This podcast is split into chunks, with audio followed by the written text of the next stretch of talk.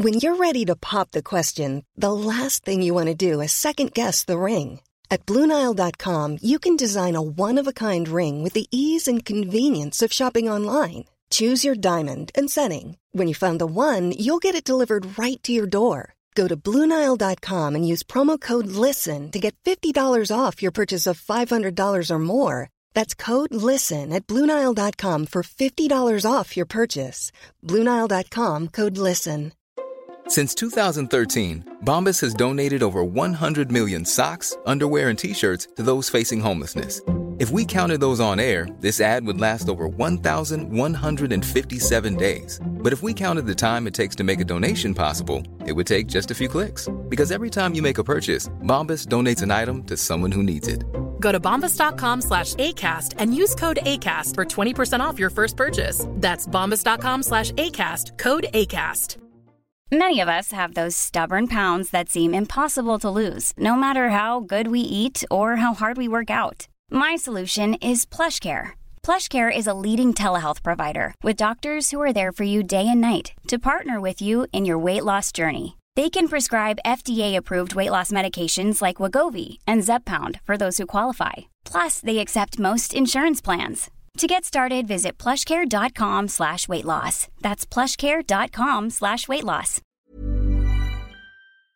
Jag ska säga så att de, de, de största människorna som man stöter på i livet, de har inget behov av att ge sken av att vara en Rambo. För han någonstans vet vad han har gjort och har inget behov av att, att projicera det. Så att han, han skulle gå en förbi om man ser honom på bussen. Men, men han är en gigantisk människa. Mm. Programmet handlar om en noga utvald bok och ett samtal med dess författare. Välkommen till Lära från lärda. Fredrik Hilleborg vid micken och i den här veckan sitter jag med en bok i min hand som jag har läst som heter Ut ur Kabul. Den svenska evakueringen från Afghanistan. Välkommen Robert Karjel. Tack! Jag brukar alltid börja med att författaren får presentera sig själv. Så vi kör igång där. Ja, eh, Robert Karjel heter jag uppenbarligen. Och eh, min bakgrund är väl att jag har jobbat i försvaret, eh, flugit mycket, mest eh, helikoptrar i ungefär 20 år. Men sen så parallellt med det där så har jag skrivit böcker, ett antal thrillers, politiska thrillers brukar jag säga. Som har kommit ut med ojämna mellanrum. Sen 97 debuterade jag. Sen så har det kommit ut fem, fem thrillers, fem romaner. Och eh, för eh, lite drygt tio år sedan så eh, fick jag någon slags internationellt genombrott med mina två då senaste böcker. Eller med min då senaste bok som sen följdes upp med ytterligare en bok. Men jag blev såld till väldigt många länder och tänkte att äh, men jag, jag ska göra något mer med mitt liv än att bara eh, sitta och skaka en helikopter fram till pension. Så att eh, jag slutade som, som officer och började på heltid skriva böcker och inte minst hålla föredrag också. Och det har jag gjort de senaste ja, drygt tio åren. Mm. Och eh, Ut ur Kabul då, det är min första non-fiction, alltså faktabok. De tidigare har varit romaner. Det är därför du fick bli inbjuden hit den här gången. Ja. kan man säga. Och den här boken, ehm, den har ju en ganska talande titel. Men, men vi kanske ska börja med, liksom, vad, hur, hur började det här? Ja, det började så tillvida att jag, jag som alla andra var hemma i Sverige sommaren för, för två år sedan. I augusti då, 2021. Och i nyhetsrapporteringen så gick det väldigt fort i Afghanistan. Där, där eh, dels hade Donald Trump tecknat ett avtal med talibanerna om att vi, vi ska lämna Afghanistan. Som Joe Biden när han tillträdde som president eh, sa att ja, men det, där ska vi, det där ska vi uppfylla. Och det alla nog tänkte sig var att USA och västlandet i lugn och ro skulle lämna Afghanistan och sen så skulle den regeringen med inte minst den enorma försvarsmakt som västvärlden har byggt upp tillsammans med dem med utbildning och utrustning och allt vad det är under det är ju snart 20 år. De skulle hålla talibanerna stången. Men under sommaren där så föll Afghanistan väldigt fort. Och sen så till allas stora överraskning den 15 augusti så föll Kabul en söndag. Och under väldigt dramatiska omständigheter så, så USA och alla andra, och inte minst Sverige då, började evakuera. Jag var hemma i Sverige, eh, gjorde inget speciellt. Jag skulle ut på en lång fjällvandring upp i Sarek när det här drog igång. Och sen så gick jag i Sarek i tio dagar och sen när jag kom ut från Sarek och fick täckning igen på min telefon så såg jag ju liksom allt som hade hänt och så försökte jag läsa bakåt för att följa händelseförloppet och presskonferenser och sånt där. Och det som var väldigt tydligt för mig var att det här skeendet som hade varit väldigt dramatiskt gått väldigt fort. Nyhetsrapporteringen kunde inte skildra det. Det var alldeles för komplext, man hade ingen på plats, det hände för mycket och de presskonferenser och annat som var, de eh, skildrade ju inte det som hade hänt. Det var uppenbart för mig. Så att jag kände väldigt starkt att här finns det en historia. Det, här, det är någonting annat. Det är inte det som har varit på nyhetsrapporteringar och, och i presskonferenser som är det som har skett. Och också att här var det ett, ett väldigt historiskt skeende. Där Sverige i allra högsta grad spelade en, en stor roll. Som höll på att förblekna innan det ens hade skildrats. Och jag kom hem några dagar innan den sista amerikanen och svensken lämnade Afghanistan. Så att jag väntade ett par dagar och sen så när den sista amerikanen hade lämnat Kabuls flygplats, det finns en dramatisk bild när en general kliver ombord på ett flygplan där.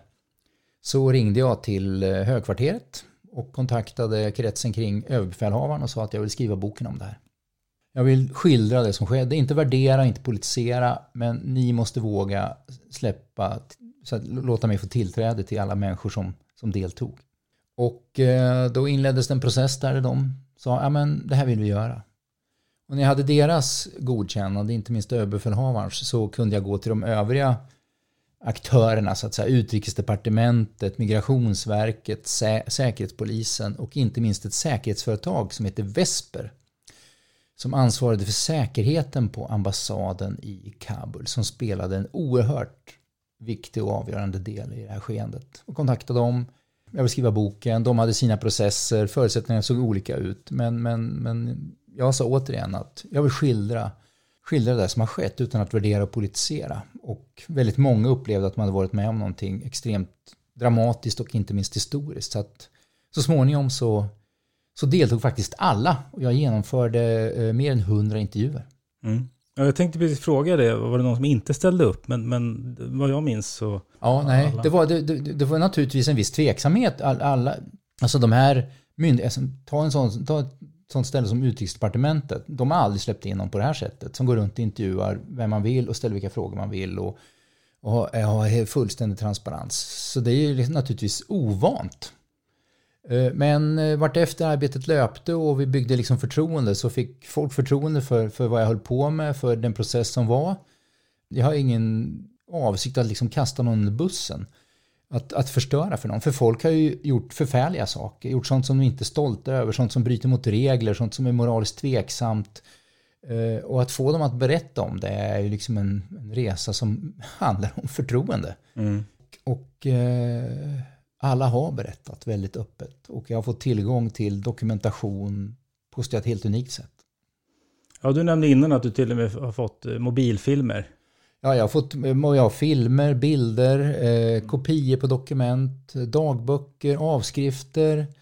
Eh, jag har till och med fått tillgång till data på folks pulsklockor så man kan liksom se hur de var igång, på vilket sätt de var igång. När de säger att de inte har liksom sovit mer än två timmar per dygn i, under väldigt lång tid så kan man liksom med en pulsklocka konstatera att de har ju inte haft vilopuls mer än Eh, liksom den tiden per dygn och sådär. Så att eh, det, det, är, det är ett oerhört arbete, ett oerhört pussel för att bygga upp var alla var, vad de gjorde och för att kunna verifiera att det som hände har hänt Sen är det också så att många av de här människorna som, som, som är med i boken, de har ju, det här har pågått när de har varit under extrem press, de har varit uttröttade, de har varit rädda. Och, och, det gör att det påverkar minnesbilden. Det kan vara så att man har en kristallklar minnesbild av en händelse, men man kan inte tala om om den, den var i måndags eller, eller om den var i torsdags när man intervjuas fem år senare. Och då gäller det att liksom placera in saker i tid, att, att verifiera, att, att få flera källor och så vidare. Och det har jag lagt en oerhörd kraft på. Och du har lagt upp det som att man också, det, det är nästan som att titta på en film eller en tv-serie, ja. att man får följa karaktärer då, kan man säga, eller personer. Ja, precis. Så att det är ju en sak att sitta på ett oerhört material då med, med hundratals timmar intervjuer, dokumentation och så vidare. Men sen ska det ju vara värt att läsa. Och det har varit oerhört viktigt för mig att det blir en historia. Och att boken, den kan ju läsas som en spänningsroman. Man kan ta den här boken och läsa. Jag vill, jag vill ha spänning, jag, jag, jag skiter i om det är på riktigt eller inte. Man kan, jag, liksom, jag vill underhållas. Och den är ju skriven på ett sånt sätt. Och att jag har skrivit spännings roman och spänningslitteratur tidigare är ju inte, eh, liksom inte ett handikapp i det här arbetet. Skillnaden är ju att varenda mening har jag researchat. Men det är ju byggt som en historia så att man ska liksom kunna följa att det, att det blir en bladvändare eh, kring, ett, kring, en verklig, kring en verklig händelse. Så att, sen att gå, så att gå från det här oerhörda materialet till att göra litteratur av det handlar ju om att, att jaha, då har vi den här händelsen. Vi säger eh, eh, precis de här timmarna när Kabul faller den här söndagen. Det, går, det har jag massa material på. Men ur vems perspektiv ska vi skildra det här? Ja, men det är naturligtvis dels ur ambassadörens perspektiv, dels ur den som är säkerhetskoordinator för Vesper, dels ur några afghaners perspektiv. Det är det som blir historien, så att det liksom blir scener och perspektiv som, som all den här informationen då bygger upp. Så att det blir verkliga människor som har helt olika upplevelser av det som sker. Mm. Vad är det som särskiljer hela den här händelsen från... Det sker ju en massa andra så att säga, militära ja. eh, aktioner och, och uppdrag. Vad är det som utmärker den här? Det som utmärker den här händelsen, evakueringen ur Kabul och inte minst ur svensk, ur ett svenskt perspektiv är ju det att hela västvärlden har ju varit engagerad i Afghanistan i, i princip 20 år. Och, och, och, att, att västvärlden har varit på gång att lämna, det har ju pratats om i flera år, så det är ingen nyhet. Utan det som sker är att alla andra länder, när de ska lämna, inser att här har vi en massa afghaner som har jobbat för oss under en massa år, som har tagit risker, som har tagit ställning för oss och för att, att skapa en demokrati. Eh, inte minst det här med, med jämlikhet och kvinnans och barns, speciellt flickors roll i Afghanistan. Det är en massa afghaner som har, har jobbat för det, tagit risker och inte minst tagit ställning. Så när vi lämnar och förmodligen talibanerna tar över, då, eh, då riskerar de en massa. Så de behöver vi de behöver vi ha en plan för. De behöver vi ta härifrån. Så alla andra länder, verkligen alla andra länder, gör en plan för att ta hem sina, som man kallar det för, lokalanställda. Eh, det är allt från ambassadtjänstemän till tolkar som har hjälpt Försvarsmakten. Alla länder utom Sverige. För Sverige bestämmer sig för att se, eh, det är ju liksom inte ett, ett offentligt beslut utan det blir så att man ser på den här frågan som ett personalärende. Och inom utrikesförvaltningen, UD, så, så enligt Wienkonventionen som är det som styr all diplomatisk verksamhet så har, så har eh, ett land som har en ambassad någonstans har bara ansvar för sina utsända, de svenskar som jobbar där, de svenska diplomaterna som jobbar där. Det land, värdlandet, det, de har ansvar för de lokalanställda. Kockar och sekreterare och chaufförer och tjänstemän och tolkar och vad det nu är. Det är så man ser det rent juridiskt. Men alla andra länder resonerar i termer av men det här är ju inte juridik och personalpolitik. Det här är ju politik och etik. Det är moral. Vi har en skyldighet. Så, och, och bara några dagar innan Kabul faktiskt faller så, så under galgen så inser den svenska förvaltningen och inte minst Ann Linde som utrikesminister att det här håller ju inte. Vi kommer inte politiskt överleva om, eh, om alla andra länder evakuerar sin personal och vi låter alla vara kvar.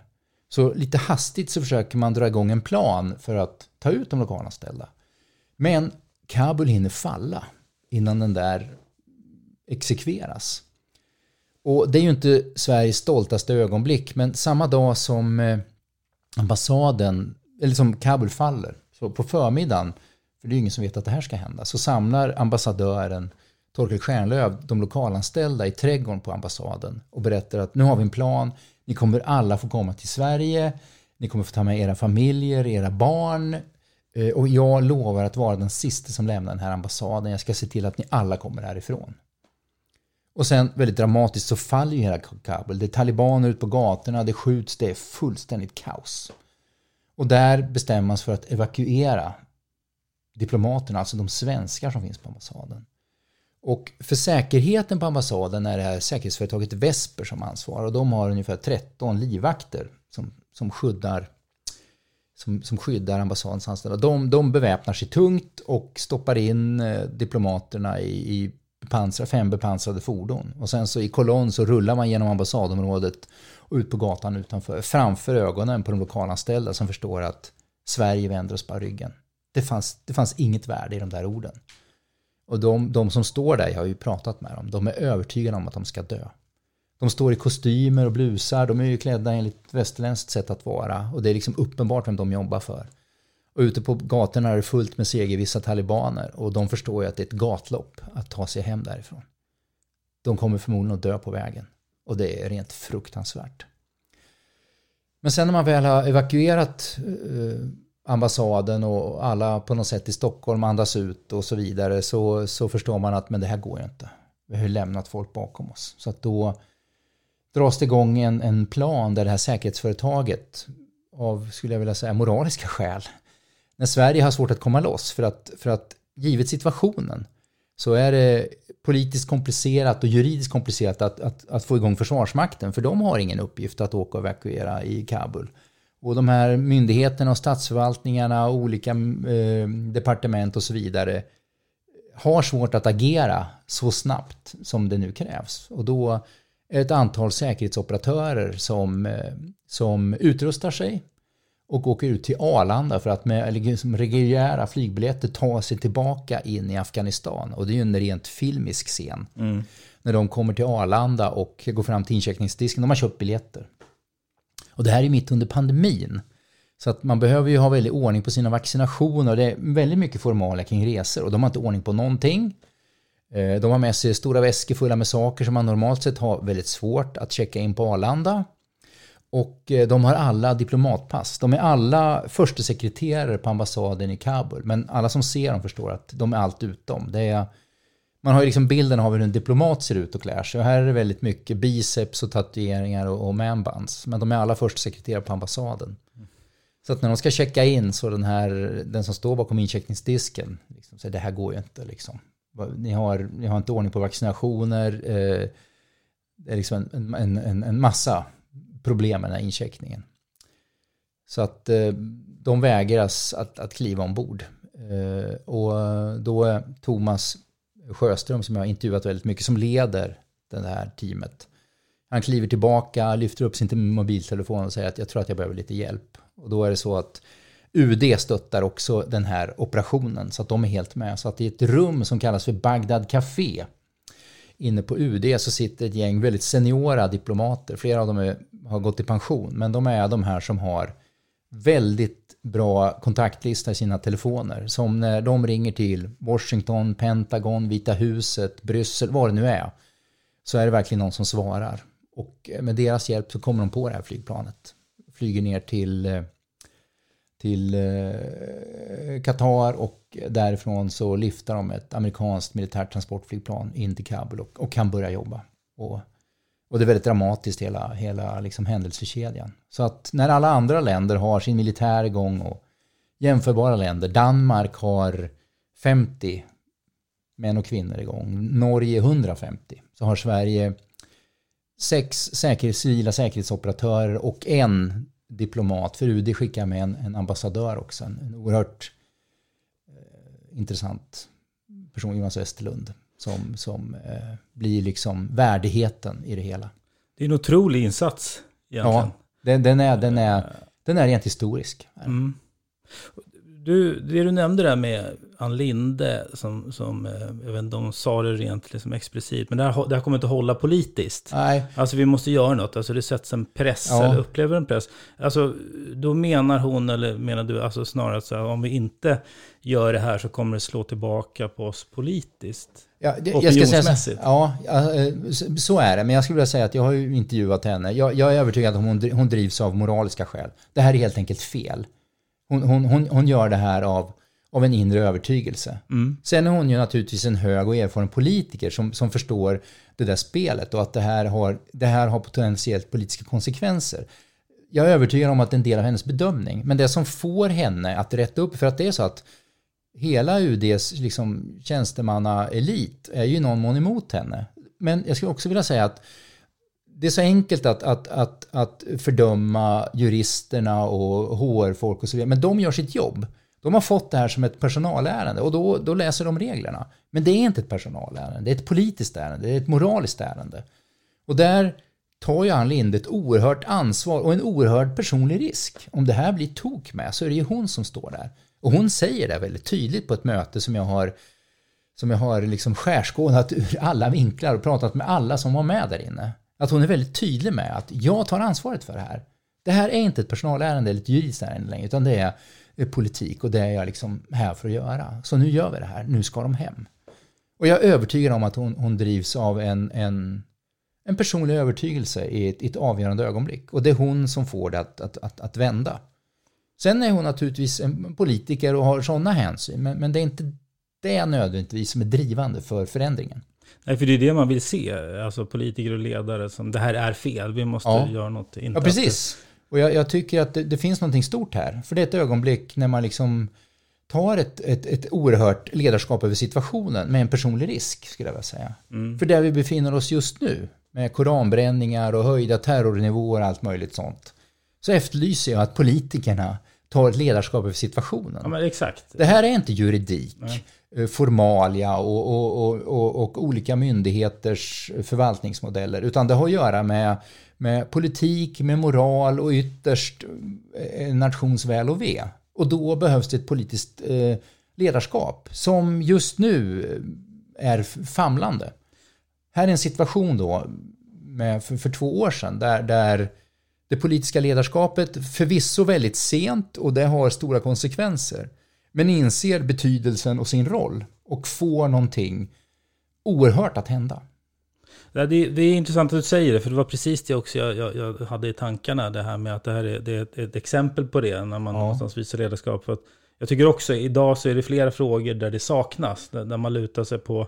Eller det känns som att det, många politiker är, lyssnar på opinionen och vill göra sig populära, ja. framför att kliva fram och visa. Och, och ja. det, det, är flera frågor där det saknas. Ja, det, det är ju så att liksom i, i, i, en större kontext så är det så att politiken har blivit gisslan hos juridik, eh, förvaltnings, eh, jag höll på att säga modeller, men liksom politiken har inte längre det yttersta ledarskapet.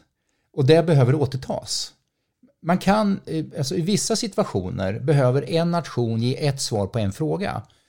I det här fallet med min bok då, Evakueringen ur Kabul.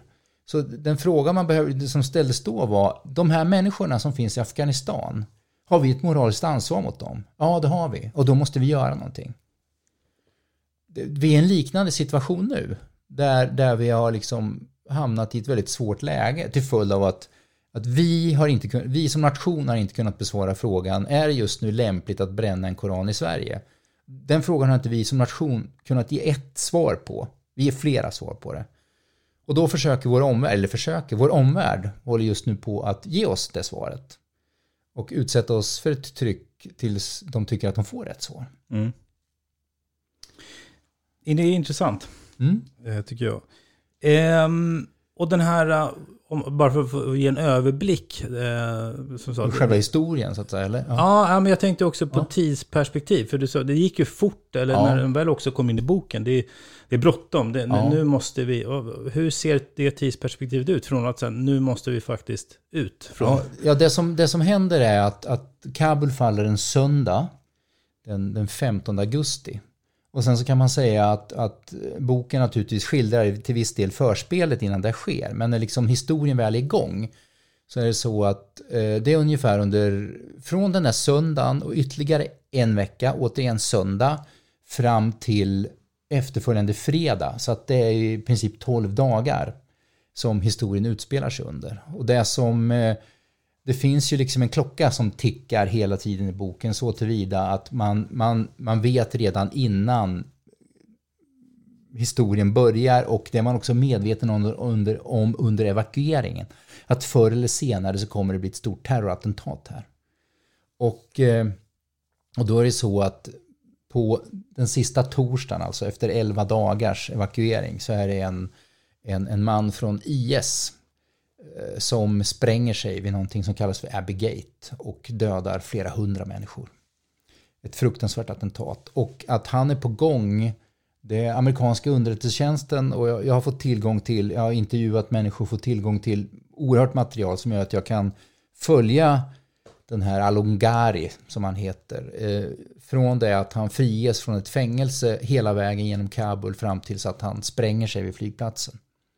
Och han finns ju som en mörk skugga i historien. Att hur han närmar sig, hur underrättelsetjänsterna jagar honom och snudd på får tag på honom. Men han, liksom, han och hans, de som hjälper honom hela tiden kommer undan. Och, eh, och till sist då spränger sig. Och det ska jag också säga att även om Naturligtvis, Vesper var oerhört, var helt avgörande för att dra igång den här operationen och under operationens gång. Men så småningom efter ungefär en vecka så kommer Försvarsmakten, den svenska Försvarsmakten in i spelet också med Herculesflygplan, stora transportflyg, andra stora transportflygplan och specialförbanden. Som tillsammans med Vesper då ser till att få ut människor på alla möjliga sätt. Eh, ganska avancerade operationer emellanåt. Och jag har ju också intervjuat specialförbanden och inte minst två operatörer som i boken heter Kim och Lärkan.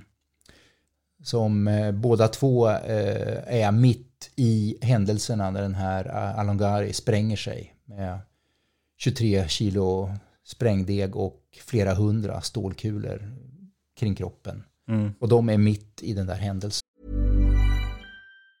Life is full of awesome what ifs and some not so much, like unexpected medical costs. That's why United Healthcare provides Health Protector Guard fixed indemnity insurance plans to supplement your primary plan and help manage out of pocket costs. Learn more at uh1.com. Many of us have those stubborn pounds that seem impossible to lose, no matter how good we eat or how hard we work out. My solution is PlushCare PlushCare is a leading telehealth provider with doctors who are there for you day and night to partner with you in your weight loss journey. They can prescribe FDA-approved weight loss medications like Wagovi and Zepbound for those who qualify. Plus, they accept most insurance plans. To get started, visit plushcare.com slash weight loss. That's plushcare.com slash weight loss. There's never been a faster or easier way to start your weight loss journey than with PlushCare PlushCare accepts most insurance plans and gives you online access to board-certified physicians who can prescribe FDA-approved weight loss medications like Wigovi and Zepbound for those who qualify.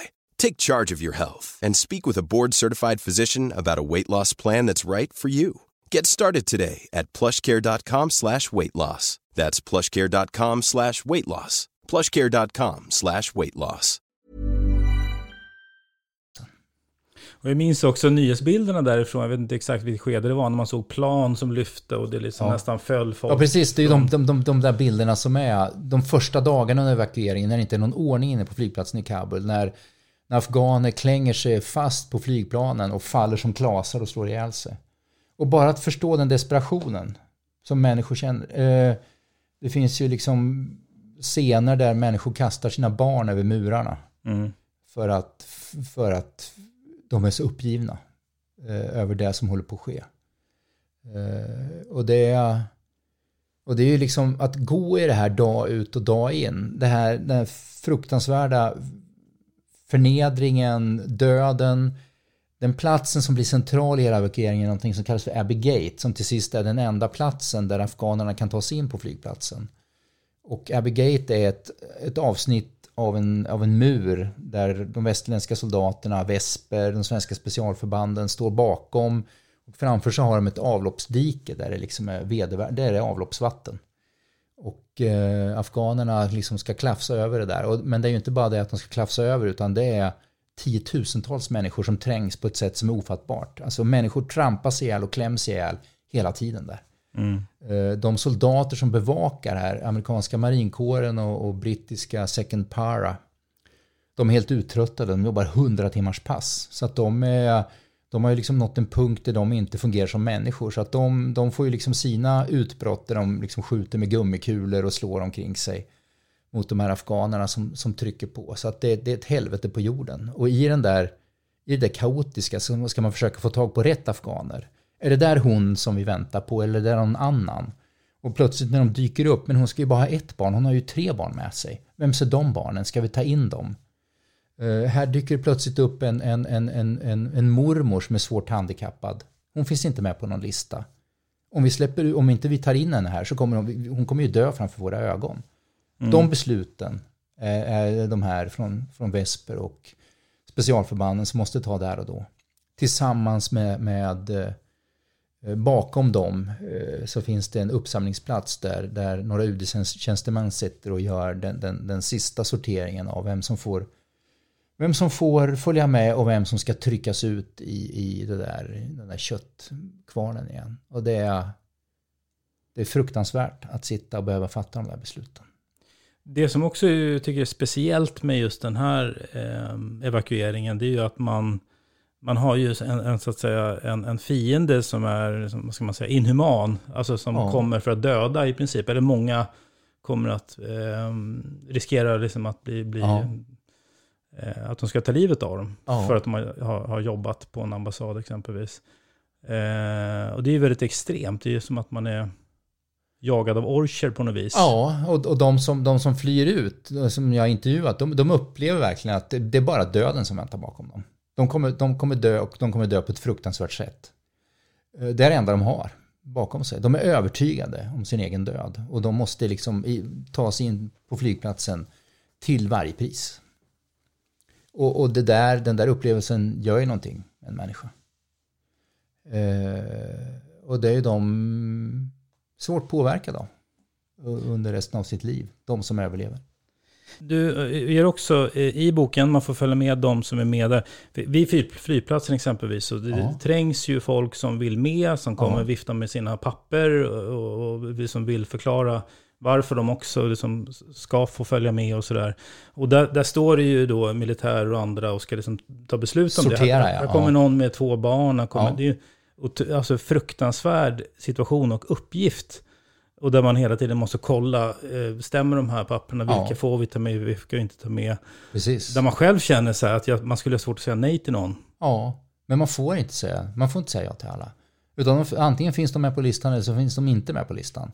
Behovet är oändligt. Och sen så har vi, har vi en massa regler som innebär att det är de lokalanställda. Och det är, det är deras familjer, det är deras Män och fruar och deras barn under 18 som får komma med. Mormor får inte komma med, moster får inte komma med.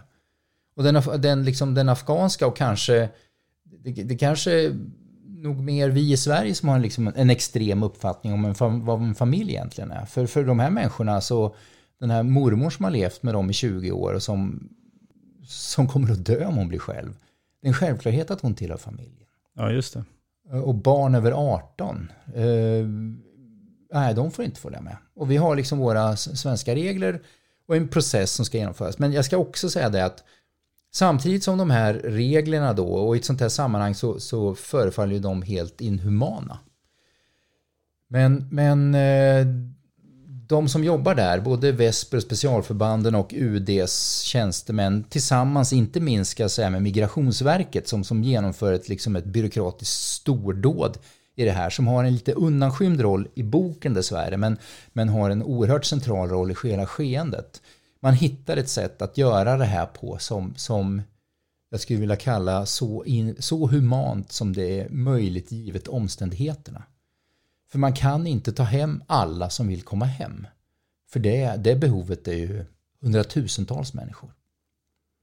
Och det ska jag säga att, att eh, man får ju faktiskt ut mer än när, när operationen inleds, när Kabul har fallit och man inser att det här, det, det här blir, det här, vi, vi, kommer inte överleva moraliskt, vi kan inte se oss själva i spegeln. När man drar igång den här operationen med Migrationsverket, Utrikesdepartementet, Vesper och i viss mån Försvarsmakten, så har man en uppfattning om att man kanske kan få ut 25 personer. Mm. 12 eh, dygn senare kan man konstatera att man har fått 1000, ut 1023. Så att det, är, det är något oerhört som man åstadkommer. För 25 låter ju ganska lite. Ja, det låter väldigt lite. Ja. Men det är vad man tror just då i det fruktansvärda kaos som råder. Mm. Och att man inte har någon aning om var folk befinner sig. Vi har en uppfattning om att den här personen vill vi ha ut, men var finns han och hans familj? Vi har en uppfattning om att den här kvinnorättskämpen, vi vill ha ut henne, men vi har inte ens mail eller mobil till henne. Vi tror att hon gömmer sig i en by utanför Kabul. Hur ska vi få ut henne? Mm. Och, och, det, och, det, är ju ett, det som sagt var, det är ett jättearbete i alla dimensioner. Och, och det intressanta är ju att där, där, där vår svenska förvaltning, våra, våra regler, myndigheter, politik, juridik famlar väldigt mycket under den första veckan. Så är det så att det är individer som kliver in och och börja få saker att hända. Mm. Individer på Migrationsverket, på Utrikesdepartementet, hos Vesper, Försvarsmakten, eh, Säkerhetspolisen.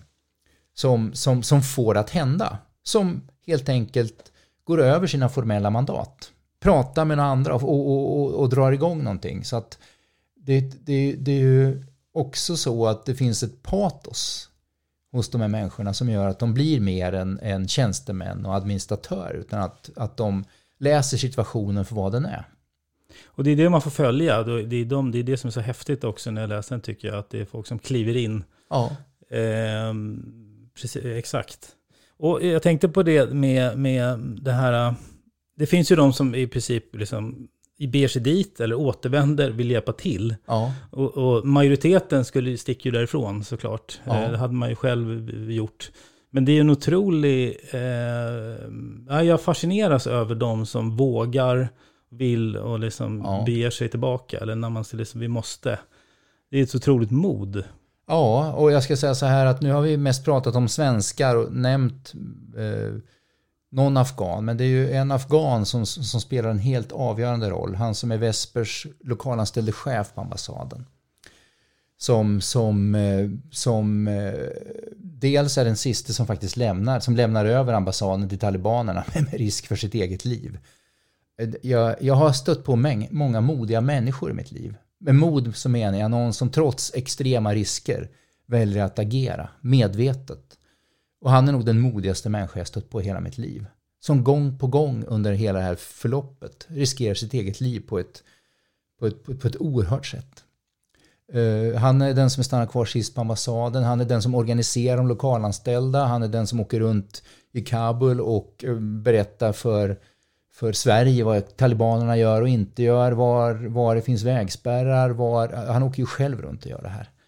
Och sen så småningom är han vid Abbey och ser till att, att de som han har ansvar för, alltså rent fysiskt så är han där och eh, pressar sig igenom och börjar lyfta människor över den här muren. Låter sin egen, sin egen fru och sina barn vänta nedanför för att få över sina egna på ett, på ett, på ett oerhört självuppoffrande sätt, alltså timme ut och timme in. Eh, de svenska specialförbanden har aldrig sett en människa jobba på det sättet. Eh, de vill att han ska bli avlöst. För, för en människa kan liksom inte utsättas för det där. Men han är den enda som känner igen i den här, den här soppan av människor.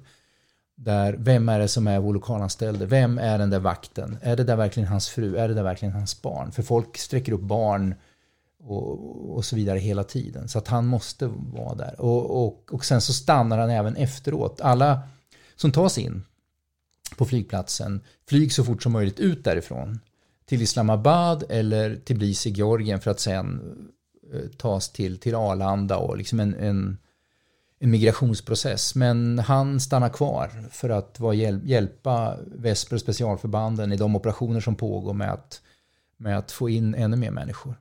I och med att han dels har personkännedom, dels har nätverk, eh, dels också talar de språk som, som, som är aktuella. Som en slags verklig Rambo-figur nästan. Ja, jag har ju träffat honom ganska mycket. Jag ska säga så, de, de, de största människorna som man stöter på i livet, de har inget behov av att ge sken av att vara en Rambo. För han någonstans vet vad han har gjort och har inget behov av att, att projicera det. Så att han, han skulle gå en förbi om man ser honom på bussen. Men, men han är en gigantisk människa.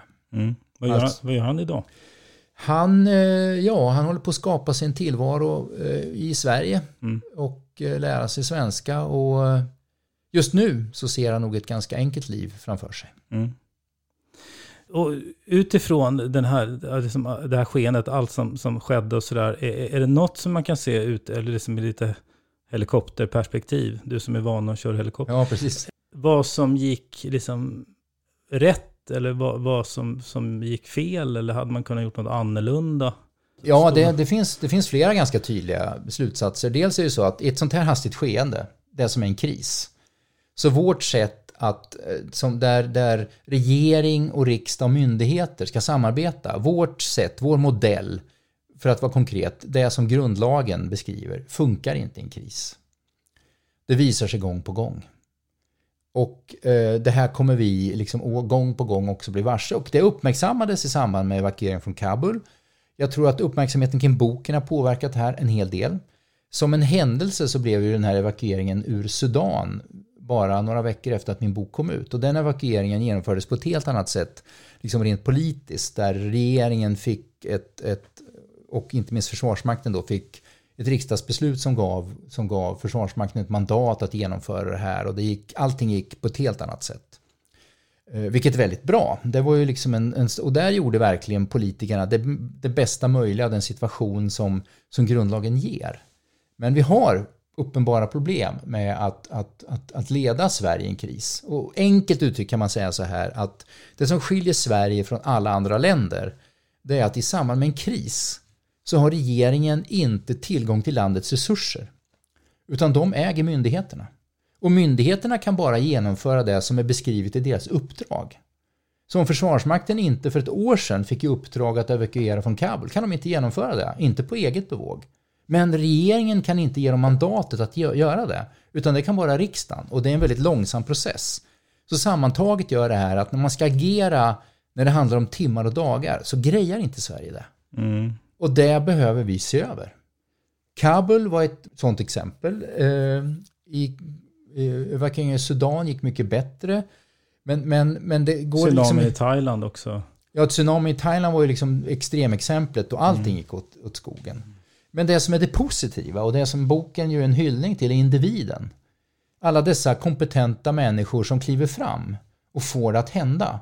Visserligen, alltså de kliver fram så fort de kan, men, men att, att, ett, att ett lands krishanteringsförmåga eh, i avgörande situationer ska bygga på vad individer förmår, klarar och orkar är ett väldigt dåligt sätt att leda ett land på. Den värld vi har nu är väldigt oförlåtande. Och att sitta och hoppas på att individer ska lösa det vi ställs inför eh, är en dålig strategi. Nu tror jag inte att det är någon som uttrycker det på det sättet, men det är det som i realiteten händer. Och det här, ja, behöver vi ta tag i. Men, men, men, någonstans står väl också politisk stabilitet emot att agera fort? Alltså, det, jo, jo, precis. Det, naturligtvis ska inte en försvarsmakt själv hitta på vad den ska göra och inte göra ute i världen med, med Herculesflygplan och specialförband och bomber och granater. Man, man ska hålla en försvarsmakt i strama tyglar. Men man måste ha förmågan att kunna använda den när det behövs. Och så mm. är det inte just nu. Mm. Vi ska värna att det är en demokrati, att makten utgår från folket. Men, men, men folket förväntar sig att, att regeringen leder landet i en kris. Och det kan inte regeringen göra just nu. Mm. Vart det här med koranbränningar och hot och evakuerad ambassad i Bagdad och allt vad det nu leder till, det vet vi inte just nu där vi sitter.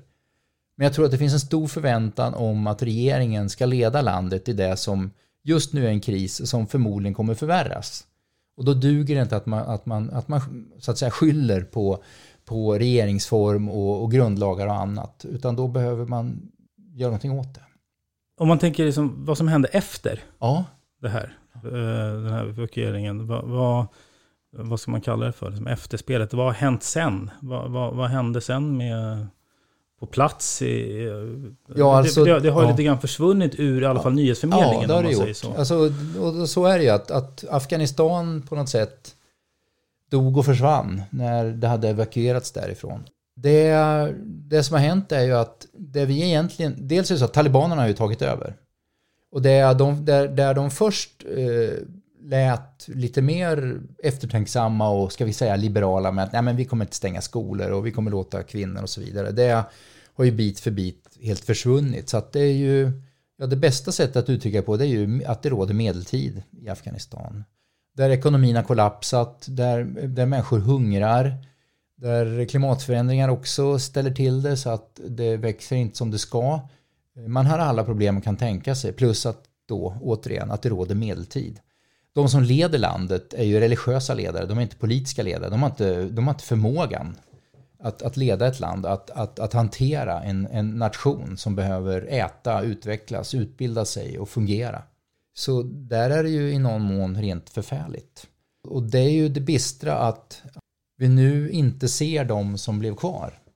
För det vi har gjort i västlandet är ju att de här ungefär 200 000 afghanerna som totalt evakuerades. Det är ju i någon mån en medelklass som vi i västvärlden har byggt upp under 20 år. Där vi har varit beroende av dem, de har varit beroende av oss.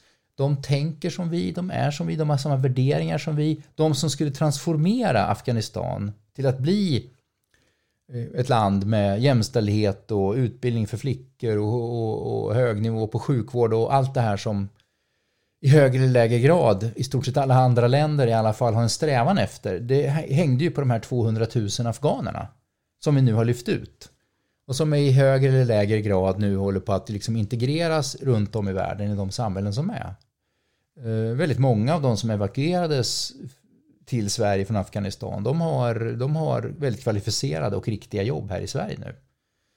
Um, men de är ju inte en del av, av, av, av det som sker i Afghanistan och de är ju inte önskvärda där heller. Och, och någon slags tystnadens mörker har lagt sig över alla de miljoner och åter miljoner människor som lever ett, ett i bästa fall enkelt, oftare fruktansvärt liv i Afghanistan i anonymitet och bortanför liksom uppmärksamheten. Där såklart Ukraina och Ryssland och, och allt möjligt annat istället tar uppmärksamheten från det som sker. Väldigt sorgligt. Ja, det, det, det är fruktansvärt sorgligt. Och, och, i någon mån så är det också så att det är en del av vår historia som, som vi i någon mån behöver förhålla oss till. För här har ju faktiskt Sverige varit med och förlorat ett krig för första gången på 200 år. Vi hade något investerat. Vår fiende var talibanerna. Eh, det var väldigt tydligt att, att vi var där för att, att, att trycka tillbaka dem och lyfta fram andra världen. Och det var talibanerna som kastade ut oss. Det var de som vann, de som fick som de ville. Eh, vad var det vi åstadkom? Alla dessa, det är 8000 män och kvinnor som har tjänstgjort bara i försvarsmakten i Afghanistan. Eh, de, de, de uppenbara förlusterna, de som dödades och skadades eh, så att det, det liksom fattas delar på kroppen, det är ju liksom uppenbara sår i samhället. Men det är väldigt många människor som har, som har liksom psykiska men av det hela och inte minst känslan av att ha deltagit i någonting som inte hade något värde. Mm. Eh, vad var det vi åstadkom? Och man åstadkom någonting. Under de år som, som, som bland annat vi var där så, så, så utbildades barn och flickor. Kvinnor fick en annan situation. Sjukvården nådde mycket längre. Folk, folk fick med sig saker som spelar roll i livet. Så att det vi gjorde spelade roll i Afghanistan. Vi gjorde någonting som betydde någonting. Men inte någonting som var tillräckligt för att påverka Afghanistans historia. Och det var ju någonstans trots allt vår förhoppning. Och det behöver vi förhålla oss till. Det vill vi prata om mera. Vad skulle du säga då, när, efter att du, alltså från det att du började det här projektet till att du, du skrev klart boken. Vad var det mest, eh, vad ska man säga, som du tar med dig mest, det kanske oväntade som du inte visste innan, som du tar med dig? Ja, dels att historien var så fantastisk. För när jag drog igång det här så visste jag inte. Jag hade en känsla för att här finns det en historia, här har skett någonting annat än det som har rapporterats. Att den historien eller de historierna skulle vara så fantastiska, det hade jag ingen aning om. Eh, kraften i en berättelse. Att när jag började intervjua folk i den där världen började prata om, det är någon Robert som håller på och intervjuar, eh, jag har förtroende för honom. Eh, när, när det här liksom nådde en kritisk massa så att folk hörde av sig, hej, jag har hört att du gör en bok. Jag har lite bilder som du kanske skulle vilja se. Jag har avskrifter av ett möte som jag var på, det kanske kan vara av intresse. Eh, Liksom, Kul! Att, ja, det, det, det, var, och jag lärde mig väldigt mycket om research, jag lärde mig extremt mycket om hur man intervjuar människor, både de som vill berätta en historia och de som kanske spontant inte vill. Jag har gjort någonting som jag inte vill berätta om och här sitter du och säger att jag ska berätta om det. Hur får man någon att, att, att berätta om det? Och att göra det, inte bli lurad att göra det, utan att ha förtroende för det när de gör det. Och sen inte minst då individens kraft. Det var människor som känner starkt för någonting. Att överleva eller att det här måste jag göra för att kunna se mig själv i spegeln. Vad den kraften, vad den kraften kan åstadkomma. Det lärde jag mig. Jag fick en helt annan syn på, på människor generellt. Alltså både det, både det mörka och det, och, och det ljusa i människor. Och, och, och det, skrivandet av den här boken har i någon mån också eh, påverkat mig själv och mitt eget liv. Vad är, det som, vad, är det, vad är det som är viktigt? Vad är det som spelar roll? Och vilken slags människor är man ska omge sig med? Sista frågan då. Ja. Förutom att läsa boken, vill du skicka med någon rekommendation till de som lyssnar? Att engagera sig i, i det, som sker just nu. För det som har skett sen boken, alltså när boken skildrar någonting som skedde för, för två år sedan. då var Sverige en liten, liten bricka, ett väldigt stort spel. Vi hade, hade mycket med den här evakueringen att göra, men, men det var mer USA och västvärlden generellt. Det som har skett på två år med Ukraina, NATO-ansökan, koranbränning och allt sånt där är att vi har gått från att vara en bricka i ett litet spel till att Sverige nu är spelet. Vår roll i världen är en helt annan. Just nu så finns det människor, organisationer, länder, rörelser som vill oss väldigt illa. Och det är just Sverige de vill illa. Och det innebär att vi kan inte längre välja på vilket sätt och när vi deltar i det som sker i världen utanför. Och det är en, det är en, det är en dramatisk förändring av, av vår plats i världen. Och att, att, att människor, individer eh, förhåller sig till det eh, och tänker kring det och, och, och drar slutsatser kring det innan, innan det påverkar oss allt för mycket utan att vi han placera oss och göra någonting åt det. Det, det, det, det är en uppmaning. Vi befinner oss på en helt annan plats i världen. Mm. Och det är inte nödvändigtvis en bättre plats. Om man lyssnar på det här och vill ställa någon fråga till dig, kan man hitta dig eller nå dig någonstans? Ja, jag har en, jag har en hemsida som heter eh, robertkarriel.se. Så man googlar, googlar mitt namn så, så hittar man den. Mm. Och eh, där kan man skriva ett mejl om man vill. Tack för att du var med. Tack så hemskt mycket.